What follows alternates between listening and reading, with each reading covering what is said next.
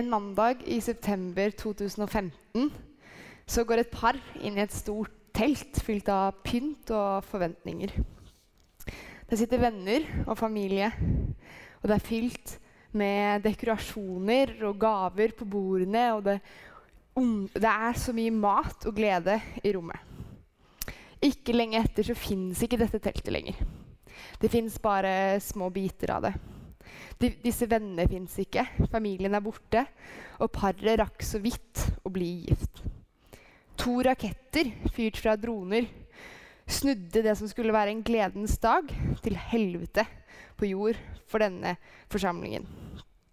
Årsaken det var at mannen som skulle holde bryllupsseremonien denne dagen, angivelig hadde tilknytning til opprørsstyrkene i området. 131 mennesker ble bekreftet døde ikke lenge etter av nyhetsbyrået Reuters. En mandag i september 2015 så går tusenvis av nordmenn til jobb eh, i Kongsberg og på Raufoss og på mange andre små bedrifter rundt omkring i vårt langstrakte land. Noen forsker på undervannsteknologi for oljeindustrien. Noen setter sammen komponenter for eh, rakettmotorer som de skal selge til eh, romfartsinstitutter. Og noen sitter og grubler på hvordan vi kan gjøre norske krigsmateriell og norske systemer enda mer effektive, og hvordan de kan drepe flest mulig mennesker. I en annen del av verden så herjer en koalisjon ledet av Saudi-Arabia.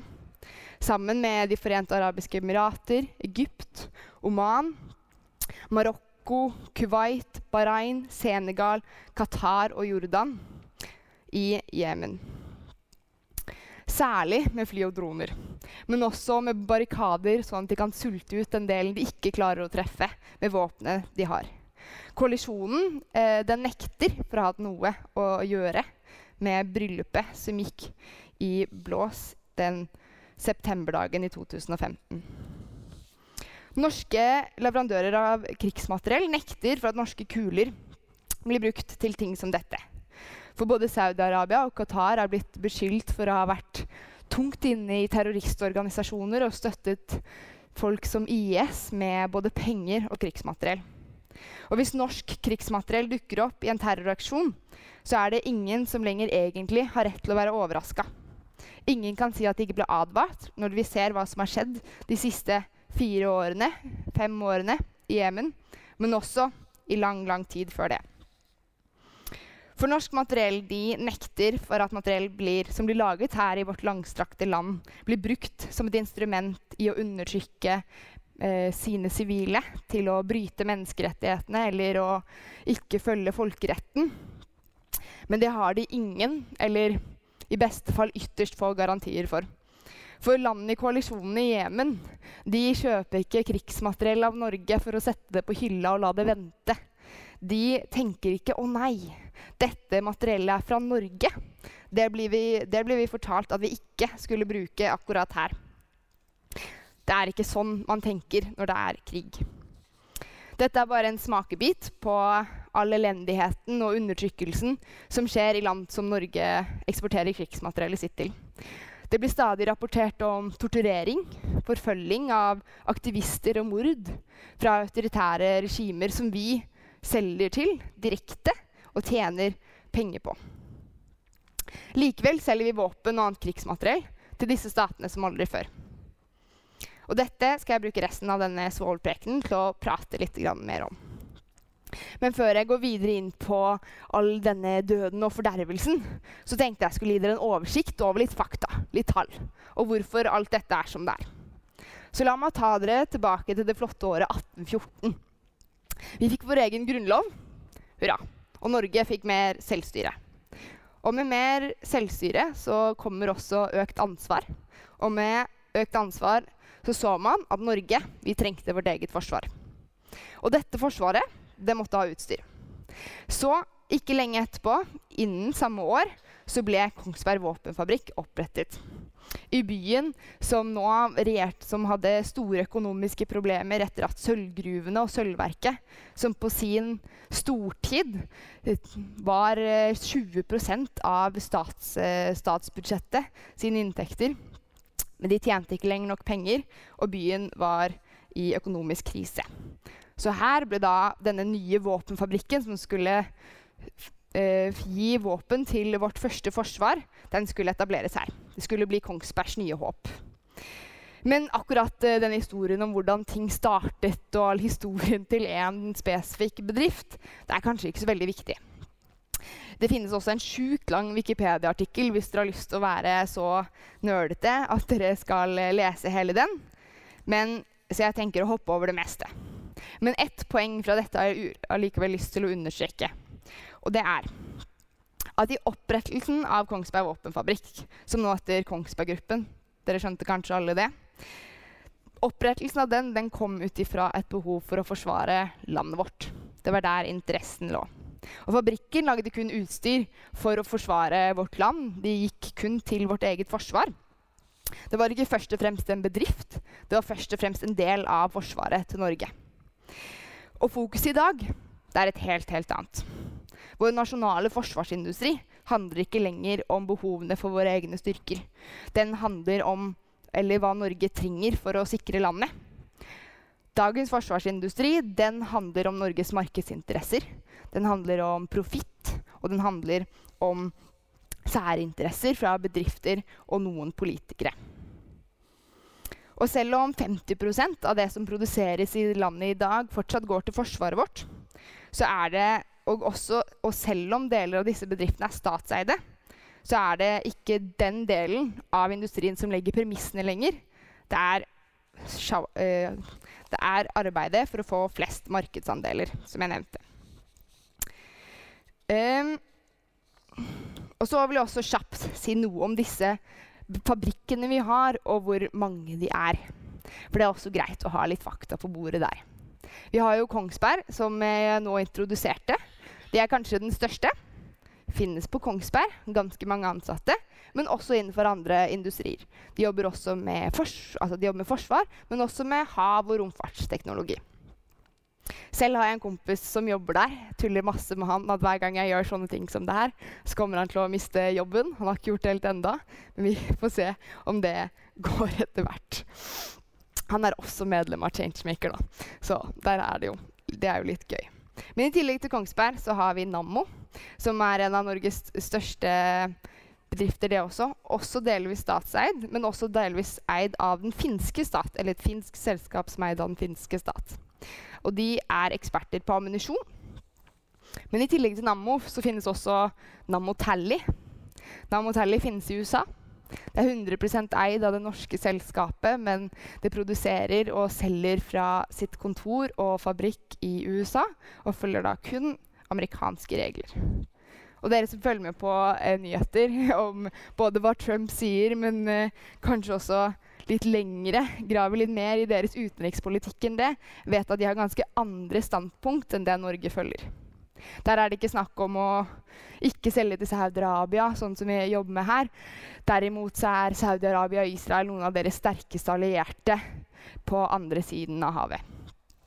Og der kan også norskeide selskaper selge direkte til, så lenge eh, de selger derfra. Nammo har også opprettet et selskap, et kontor i Midtøsten for å øke salget til denne regionen. Og dette er ikke uvanlig. Dette er sånn bedriften og industrien nå funker. Flere av de norske selskapene har utenlandsstasjoner eh, også. Nammo har vært ekstra smarte. De har også en fabrikk i Spania. Og eh, akkurat som at USA har en ganske annen eh, utenrikspolitikk enn Norge, så har de også en ganske annen utenrikspolitikk og ganske andre allierte enn Spania. Så med utsalgspunkter fra Spania, USA og Norge sammenlagt så dekker de ganske mange deler av verden og selger til ganske mange land vi ikke ville solgt fra fra Norge. Men nok om det. Det er åpenbart problematiske elementer der, men jeg skal prøve å fokusere på det direkte salget som går rett fra Norge. I 2017 så, så man en helt ekstrem økning i salget av norsk materiell til autoritære regimer. På ett år så økte salget til denne regionen med 965% Og det er like sjukt som det høres ut som. Eh, det er 965 det er nesten 1000% Et svimlende høyt tall som ikke har noe sidestykke i norsk eksportkontroll-historie. For nesten 2 milliarder kroner solgte vi. Totalen var rundt seks, som dere da skjønner. Eh, og vi solgte da til disse autoritære regimene. Og det er helt absurd at regjeringen velger å la nesten 40% av solgt krigsmateriell gå til autoritære regimer. Da er det ikke lenger hovedandelen som går til Nato. Da var de nesten en like stor innkjøper. Dette er land som dere godt vet er fiender for demokrati og menneskerettigheter. Og dette er en trend som dessverre ikke tar slutt. I 20, 2017 var et eksepsjonelt år, og heldigvis har det ikke vært den samme store økningen i år. Den har derimot gått bitte litt ned. Men fra 2016 til 2017 så har salget økt 491% Så det her er en eh, økende trend som går over flere år, selv om det går mer opp ett år enn det andre. Og dette gigantsalget det var hovedsakelig grunnet en stor stor kontrakt med Oman. Oman ble i 2017 Norges største krigsmateriellskunde. Ikke USA eller Sverige eller andre allierte, som nyheter og folk fra industrien får dere til å tro. Da var det Oman. Og ser man bort ifra eh, salget til Oman, så er vi fortsatt på en økende stigning, eh, også fra, 2018, eh, fra 2017 til 2018. Og dette er en trend som dessverre ikke kommer til å stoppe med det første. For Kongsberg Gruppen har inngått veldig, veldig store avtaler. På flere milliarder kroner med Qatar, og som sagt også med Oman, om et luftfart, luftvernsystem. Stort, stort krigsmateriellsystem. Som eh, koster veldig mye penger. Og de gjør seg søkker ikke på det. Den inneværende kontrakten med Qatar, som vi ikke har begynt å tjene penger på enda, den er anslått å ha en verdi av 15 milliarder kroner. Og For å sette det i perspektiv så selger vi årlig til alle land vi eksporterer til, for rundt 5-6 milliarder kroner. Så det er liksom mer enn tre, rundt tre ganger hva vi gjør årlig til ett lite land i Midtøsten. Men la oss se litt bort fra Midtøsten nå, for det blir lett å snakke mye om det. Tyrkia er også et annet eksempel. Det er en av våre allierte i Nato som også vi har sett dessverre en ond spiral når det kommer til politiske retter i det siste. Journalister får stadig, stadig dårligere kår og blir, står i fare for å miste jobben sin og bli sensurert hvis de kritiserer eh, styrerne. De blir undertrykt eh, i Ankara. Og slik fortsetter det dessverre det både, i både Thailand, Oman, Vietnam og andre steder vi selger til. Dette er ikke bare et problem som omhandler Midtøsten eller situasjonen i Jemen. Dette er et strukturelt problem om hvilke land vi ønsker å selge til eller ikke. På samme tid som eksporten øker til autoritære regimer, skryter politikerne av det de kaller verdens strengeste regelverk.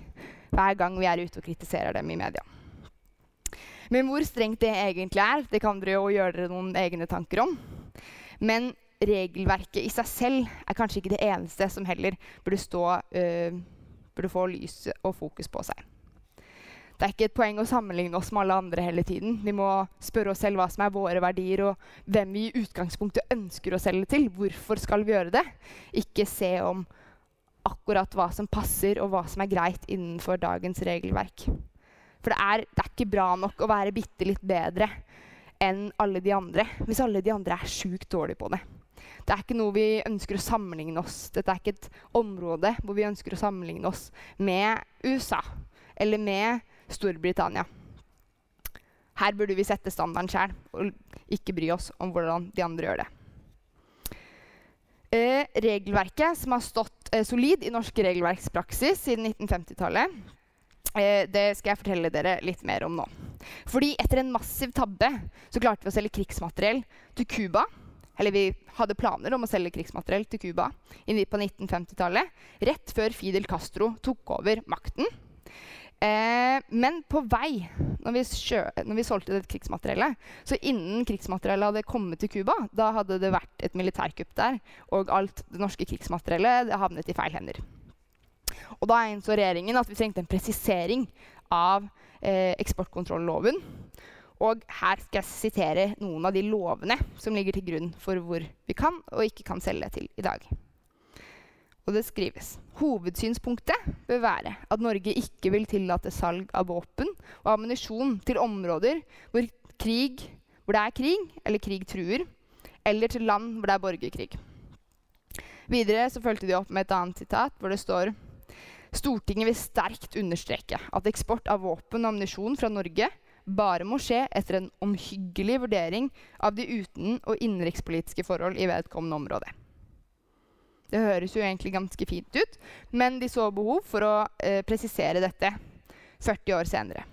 I 1997 så kom denne presiseringen her. Utenriksdepartementets vurderinger av disse forholdene omfatter en vurdering av en rekke politiske spørsmål. Herunder spørsmål knyttet til demokratiske rettigheter og respekt for grunnleggende menneskerettigheter. Likevel så ser man jo i dag ganske åpenbart at kriteriene som er lagt til grunn, ikke fungerer i praksis når eksempler som de jeg leser opp, fortsatt eksisterer. Hvorfor, med alle disse vedtakene, presiseringene og erklæringene, selger Norge fortsatt om, til områder der det er dårlige demokratiske rettigheter og menneskeretter? Det har jeg fortsatt ganske vanskeligheter for å forstå. Det er nesten som at uh, det med menneskerettigheter egentlig ikke har så mye å si for Norge i denne eksportpraksisen. Er det egentlig, Eller at dette er land vi ønsker eller ikke ønsker å bli assosiert med. Det virker som om hovedfokuset egentlig ikke er nettopp at dette er krigsmateriell, men mer at dette er en industri og en bedrift hvor det er mulig å tjene penger, og hvor vi kan få markedsandeler. Og i moderne krigføring og undertrykkelse så er det ikke bare kuler og våpen som dreper. Det, ikke, det viktigste er ikke om du har pistolen eller om du har kula Det, kan det er minst like viktig at du har den radaren som vet at jeg finner akkurat deg på den plassen, eh, sånn at jeg treffer målet. Og det kan være systemet som gjør at militæret kan operere tanks, sånn som disse, nesten, bare med litt uh, mer uh, futt i seg, kan opereres uten at man i det hele tatt er til stede selv. Det er systemer som gjør at det å styre tank som dette fungerer som en greie du spiller på PlayStation, Call of Duty Er det krigsspill? Jeg tror det. Eh, eller noe lignende. Det er ting vi også selger. Det kan også være overvåkningsutstyr som gjør at du kan fange opp at de aktivistene planlegger en demonstrasjon, og du vet akkurat hvor du skal finne og arrestere dem. Det kan være overvåkningsutstyr som gjør at ting blir lekket, eller folk sin eh, frihet blir svekket. Nammo, Kongsberg og resten av gutta de kan si så mye de vil at det er en stor forskjell mellom nettopp denne kula og alle de andre systemene jeg snakker om. De liker å henge seg opp i teknikaliteter hver gang vi ønsker å kritisere det de driver med. De sier nei, nei, nei, vi selger ikke, det er ikke våpen. Ikke, vi selger ikke til Jemen. Eh, men det dere og jeg, og sikkert de fleste andre også, skjønner at det ikke er det som er hovedpoenget. Vi skjønner at de ikke selger krigsmateriell til Jemen. Jemen har ikke en stat lenger, for det er en koalisjon av alle landene rundt som herjer der. 80% av befolkningen er i humanitær katastrofe. Det er ikke der man tjener pengene på å selge våpen. Det er de landene som skaper den situasjonen de er i. Og etikk versus butikk, eller profitt, er et spørsmål som Changemaker stadig stiller i debatten om norsk våpeneksport. Regjeringen forsvarer alltid valgene de tar med at de gjør omhyggelige vurderinger, sånn som dere hørte i vedtaket, når de utsteder lisenser. Lisenser er det man må ha for at det skal være OK å selge dette systemet eller hva enn til eh, et nytt land osv.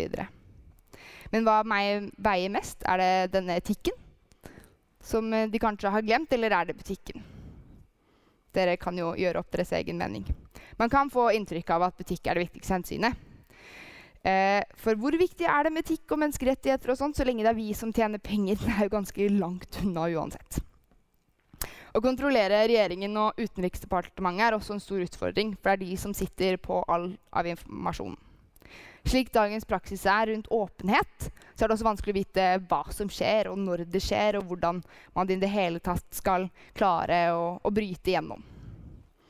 For hvert år så kommer det en rapport, en eksportkontrollsmelding. Eh, det varierer litt når den kommer.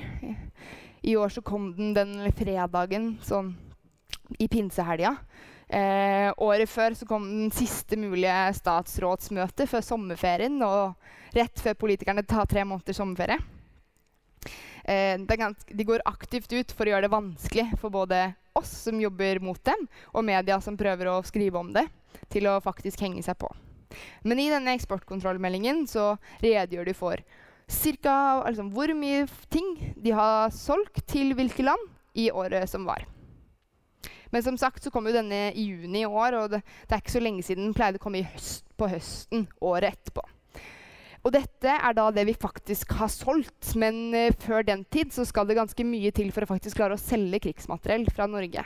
Det skal godkjennes lisenser, og kontrakter skal skrives, og det gjøres gjerne to og tre år før uh, salget i det hele tatt finner sted. Så man får den uh, eksportkontrollmeldingen i juni, og man ser Oi! Her selger vi til Saudi-Arabia igjen. Eh, og, og, skal snakke om det med regjeringen, så tar det i hvert fall fem måneder før det blir en offentlig høring i utenriks- og forsvarskomiteen.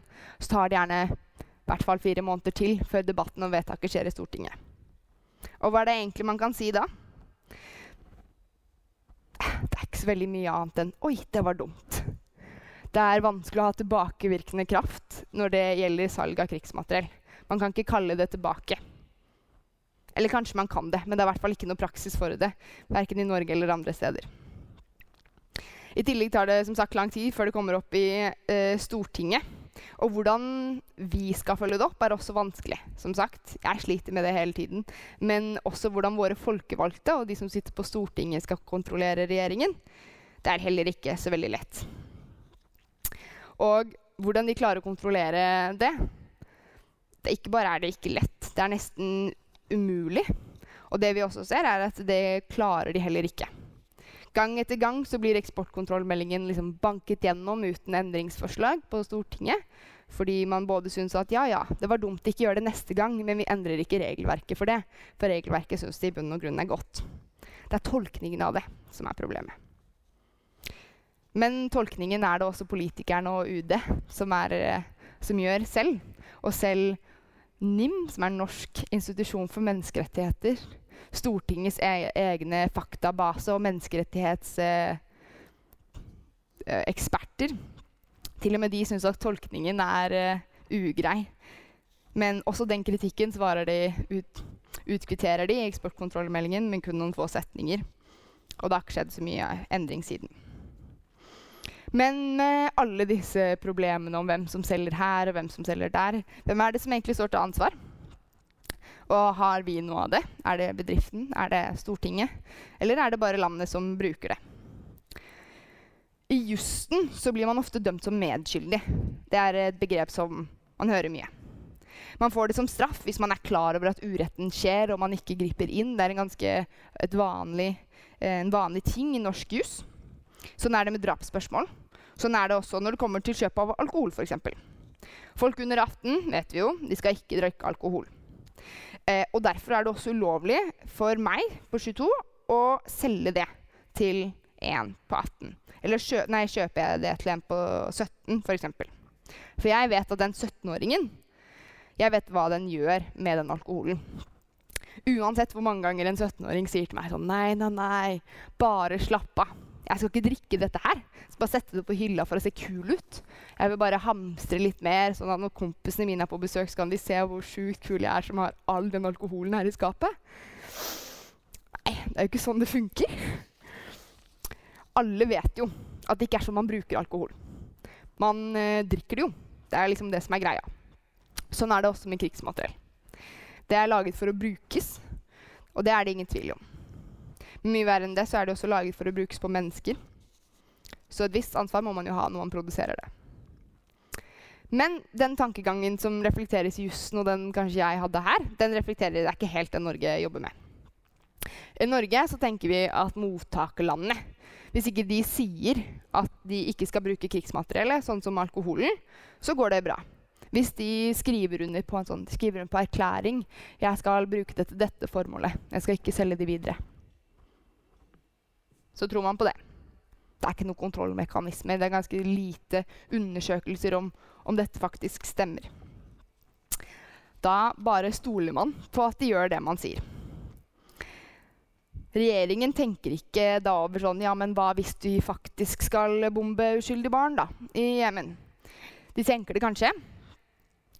Fordi nå overdrev jeg litt. Men jeg fikk liksom inntrykk av at det var litt greit når jeg står her med store tanks og alt sånt der. Selvfølgelig er det litt mer komplisert enn det.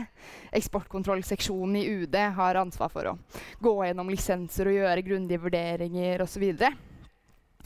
Eh, men det som er ganske vesentlig, er at de må finne klare bevis som gjør det overveiende sannsynlig for at materiellet som selges, skal brukes til undertrykking av menneskerettighetene eller på en eller annen, illegal måte. Men overveiende sannsynlig i demokratisk uh, språk, det er, uh, det er, ganske kraftig. Det er noe som nesten ikke fins. Fordi ikke bare er man avhengig av at det er overveiende sannsynlig at det kommer til å skje, men man må bevise at det kommer til å skje i fremtiden. Det at det har skjedd før, er ikke et bevis på at det kommer til å skje igjen når det kommer til diplomatspråk osv. For ja, spørsmålet er ikke om de har gjort det før, eller om materiellet har kapasiteten ideell har tatt til å undertrykke. Selvfølgelig har en pistol kapasitet til å undertrykke. Selvfølgelig kan overvåkningsutstyr gjøre det også. Men det er ikke det som er poenget. Er heller, poenget er heller ikke hvordan generelt sett et uh, regime bruker deres militære og autoritære makt. Det må foreligge konkrete bevis for at det kommer til å skje. Og det, det er det skikkelig vanskelig å få tak i. Men de prøver jo sikkert. Men uh, uavhengig av det så står det liksom ingenting om uh, hvordan de gjør disse vurderingene, hva slags metoder de bruker, eller hva resultatene er av de, utover vi fant ingen bevis for dette. Det er det eneste vi får vite. Men det er ikke så veldig vanskelig å se for seg at situasjoner som dette kan skje. At ting kan havne i feil hender, og ting Ja, at glipper skjer, at uh, norsk materiell havner på feil sted. At ting selges videre. Sånn skjer med krigsmateriell. Det er ikke brukt opp når det er brukt opp. Du kjøper mer ammunisjon, så kan du bruke den, det våpenet så lenge du vil. Og det ser man også i geriljastyrker nedover lenger nedover i Afrika. Det er gammelt krigsmateriell fra de gamle krigene som bare kommer lenger og lenger unna. Men de blir fortsatt værende, og de brukes fortsatt. Men det vil jo regjeringen selvfølgelig ikke helst tenke på. Men tilbake til eh, hva, hva, som er vårt ansvar oppi alt det her. Eh, for grensa også på hva som er norskt, det eh, handler ikke om hvorvidt vi var involvert i produksjonen, eller om vi godkjente at et land tok det, eller mottok krigsmateriell fra Norge. For vi kan gjerne være involvert i produksjonen av en liten komponent her eller en del av en motor. For det er ofte sånn det funker. I en globalisert og veldig internasjonalisert forsvarsindustri så lager man gjerne det man blir best på, og så jobber alle sammen sammen og lager det som er superbest. Den beste tanks man kan finne.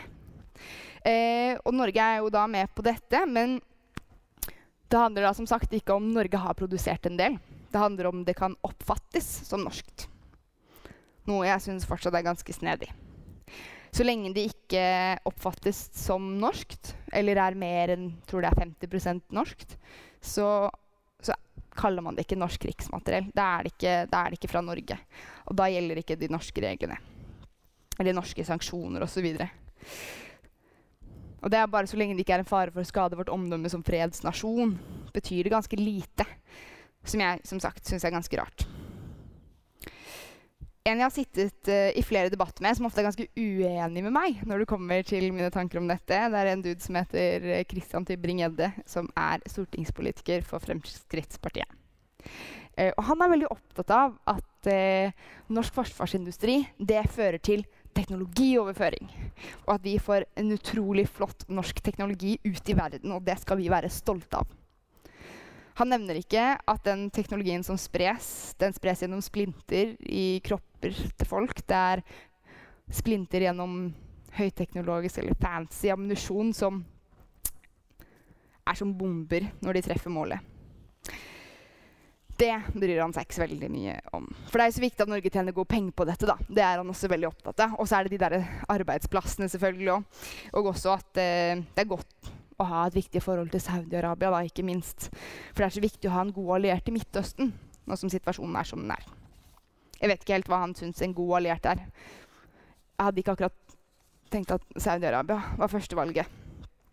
Men igjen, for han så er det fokus på norske markedsandeler og så denne teknologioverføringen. Da. Han mener at uh, det er så bra at vi kan ha flotte, smarte ingeniører og hoder i forsvarsindustrien, fordi der kan de finne opp smart teknologi som vi på en eller annen måte kan bruke til sivil teknologi etter hvert. Det går også helt fint an å bare la de ingeniørene få en sivil jobb med en gang, og så droppe det leddet om forsvarsindustrien. Det skal ikke være noe problem, det. I hvert fall sånn i praksis. I teorien så er det dessverre det. Men det han også er veldig glad i, da, er å anklage oss i Changemaker, men også fredsbevegelsen eh, generelt, å være, til å være veldig idealistiske. At vi ønsker å legge ned hele forsvarsindustrien. For det, det er jo det verste jeg, han, han, tror at jeg veit, er at de produserer våpen i det hele tatt. Eh, at alt vi ønsker, er å ta livet av en veldig viktig industri som er utrolig viktig for norske arbeidsplasser. Vi ønsker å ta fra folk jobben. Det er, eh, og dette er ikke noe vi uttrykker i det hele tatt, men dette er det politikere som ikke undersøker helt hva vi driver med, før vi møtes til debatt, eh, tror vi mener. Eller sånn kommentatorer på Facebook. De kan også finne på å si sånne ting. Men Christian Tybring-Gjedde kommer en kjapp anekdote til. Uh, for han er en uh, spennende karakter. I høringen om uh, nettopp eksportkontrollmeldingen i fjor, i høsten 2018 da satt jeg der da, og sa ca. de tingene jeg sier nå. Dette er feil, dette er uetisk, vi må endre regelverket. Tolkningene er helt på trynet.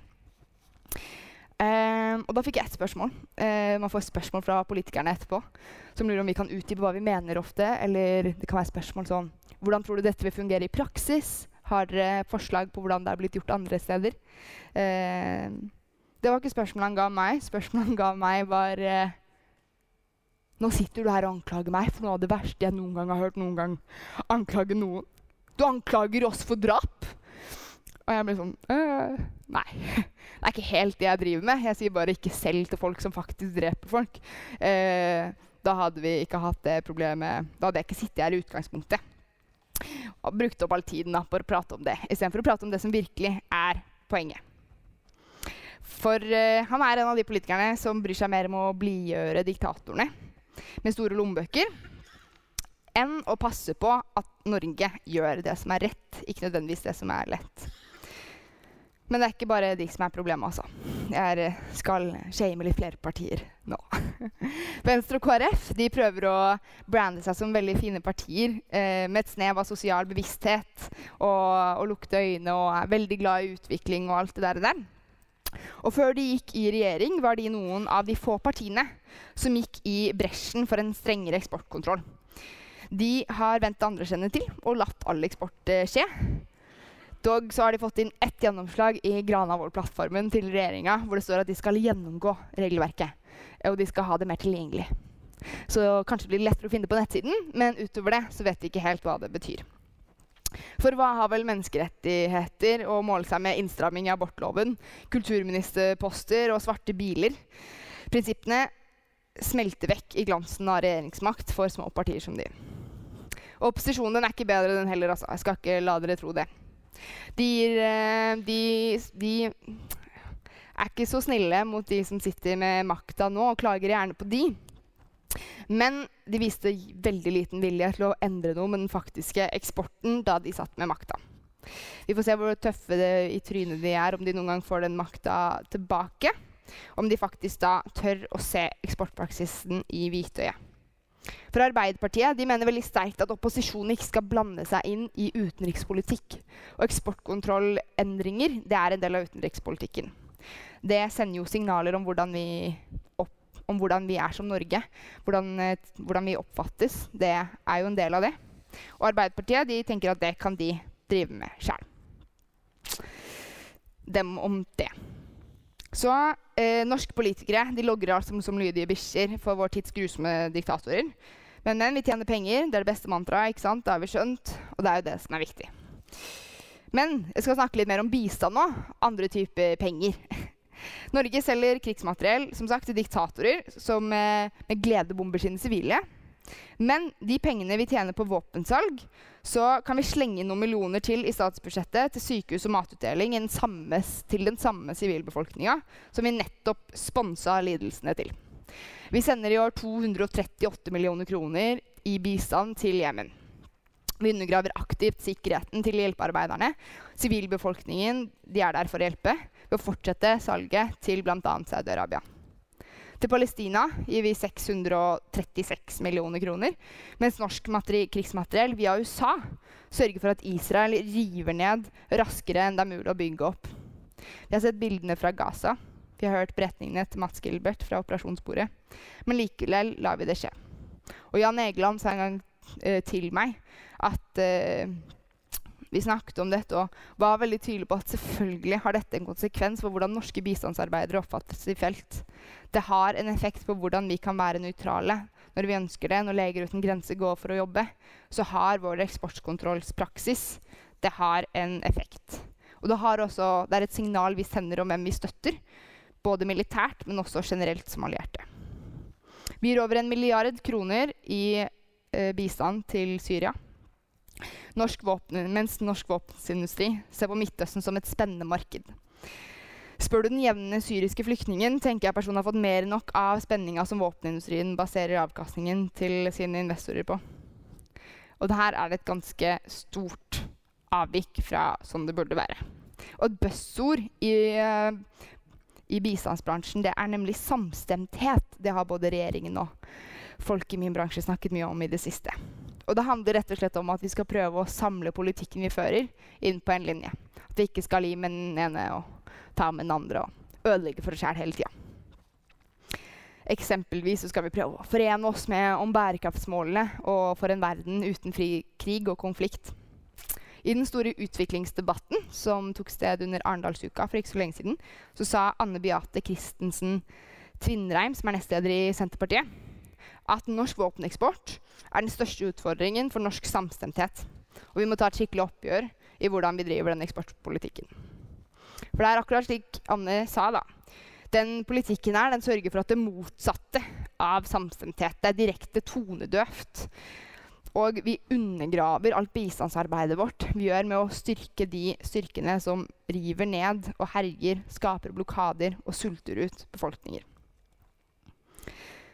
Med aktive pådrivere fra Raufoss og Kongsberg undergraver norsk eksportpolitikk det bistands- og fredsarbeidet verden trenger. Og det er en skam. Men greit de ikke skammer seg. De ser ikke helt at det er to eh, relaterte ting. Som sagt så åpnet 2005, i 2015 da Nammo like så godt et kontor i Emiratene. Fordi det lønner seg å være der det skjer, der det er størst våpenopprustning i verden. Og skjønner at dette er litt mye tungt stoff å høre på for dere som kanskje ikke jobber med dette til vanlig. Og at det kanskje frembringer litt motløshet. Det har nok alle som jobber innenfor våpenpolitikkfeltet før, øh, følt på også. Det har i hvert fall jeg gjort. Så jeg tenkte jeg skulle begynne å avrunde med litt tanker rundt det. For jeg føler meg ofte ganske motløs sjæl. Changemaker har jobbet med dette 10-12-16 år. Jeg er helt ærlig, jeg, helt jeg, husker ikke helt. Det er vanskelig å finne arkiver. Eh, men selv har jeg vært med på i hvert fall over fem av de. Og for det er pga. den politikken jeg snakker om nå, at jeg virkelig ble engasjert i organisasjonen jeg nå leder. Jeg, i, jeg hadde vært medlem i Changemaker i noen år eh, allerede da dette startet. Men i året 2014 da hadde Changemaker en stor kampanje om våpeneksport. Den het 'Skal vi stanse?' Den hadde litt sånn 'Skal vi danse?'-tema. Så vi fikk liksom Erna og diktatorer til å danse sammen som salsa osv. Og, så videre, og så fikk eh, industrien i dem score ti. Eh, og det var virkelig da jeg ble sånn Wow, shit, det er dette her jeg vil drive med. Så jeg begynte å skrive alle samfunnsfagsoppgavene mine om dette. Og det var eh, når jeg sto på gata i, på Tønsberg Torv, der jeg der jeg vokste opp, og samlet inn underskrifter. Altså jeg virkelig liksom eh, Virkelig, virkelig fikk eh, smaken på dette. Men da jeg sto der, så trodde jeg aldri jeg skulle få muligheten til å stå i et sted som det er her. Så sjukt som det her er. Å stå i en kirke omringet av gulltankser og snakke om bomber og bistand. Um, men ikke bare fordi jeg ikke hadde trodd at jeg skulle gjøre det. Jeg hadde ikke trodd at det var en offentlig interesse for dette spørsmålet på samme måte. For etter mange år med arbeid så er dette virkelig en sak det snakkes mer om. Det skrives mer om det, og det gjøres mer mot det.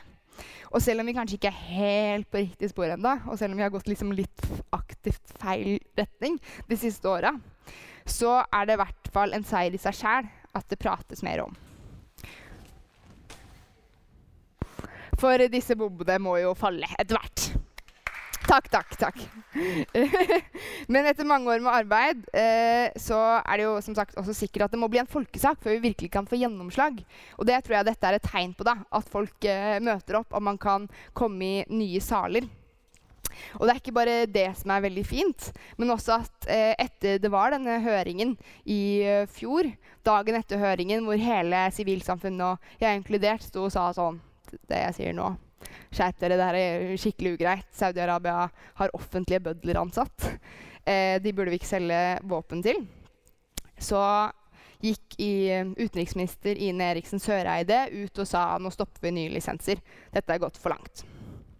Og i januar i år så klarte Changemaker å samle en samlet fredsbevegelse, en samlet kirkebevegelse og bistandsbevegelse over 20, nesten 20 ulike organisasjoner, inkludert noen fagforeninger, sto sammen bak en demonstrasjon hvor vi krevde at vi skulle stoppe salget til autoritære regimer. Det har ikke skjedd før. Eh, men selv om det ikke har skjedd før, så skapte det dessverre ikke noen endringer i debatten og vedtakene som skjedde på Stortinget eh, noen få dager etterpå. Men det ble masse media. Det ble TV 2 kom, NRK var der. Dags 18 ble Det var da Christian Tybring-Gjedde sa mange rare ting. Um, og det nytter, da, for det ser man virkelig. I løpet av den uka vi hadde den massive demonstrasjonen, og Dagsnytt 18 var, så klarte Changemaker alene med sitt budskap etter våre statistikker å nå til fire millioner mennesker i Norge. Fire millioner lesere. Det er hele Norge, det. Og det er sånt vi klarer å endre verden med. For det er eh, for bare, på bare noen få år så har samfunnsdebatten rundt eksporten økt enormt. Politikerne snakker om det bedre. En, en Nestlederen i Senterpartiet nevner det som det viktigste tingen i samstemthetsdebatten i Norge. Og det er et parti som ikke har så veldig bra politikk på dette feltet engang. Um, så det er en kjempeseier. Det viser at det virkelig, virkelig nytter. Likevel som at det nytter, så er det også viktig å minne oss på at det er veldig viktig at vi fortsetter å snakke om det. Fortsetter å snakke om det på vegne av våre medmennesker ute i verden som, som lider under Norges praksis.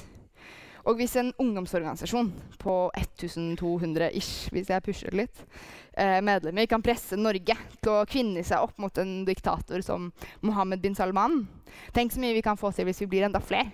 Tenk så mye vi kan gjøre hvis eh, dere som er aktive folk som er aktive i politiske partier, faktisk fremmer forslag på lokallagsmøte, på fylkestingsmøte og på landsmøter, og endrer politikken til partiene, da går vi stadig fremover. Og tenk så mye vi kan få til hvis dere melder inn i en fredsorganisasjon, eller møter opp på en, den neste demonstrasjonen. Eh, for man kan gjøre veldig mye hvis vi faktisk gjør noe, men ting endrer seg ikke hvis man sitter og ser på. For hvis vi bare sitter og ser på, så er det ikke så mye som skjer. For jeg skulle gjerne ønske at det var jeg som hadde all makta til å endre dette systemet, men det, det, er det dessverre ikke. Det er de folkevalgte, men heldigvis er det vi som bestemmer de folkevalgte. Så vi må huske å stemme for folk som har god politikk. Både i nasjonalvalg, men også lokalt. Og også huske at vi kan stille folk til ansvar. Stå på krava, stå på prinsippene som partiet har i programmene sine. Det tror jeg virkelig er noe vi kan gjøre for å få alle med.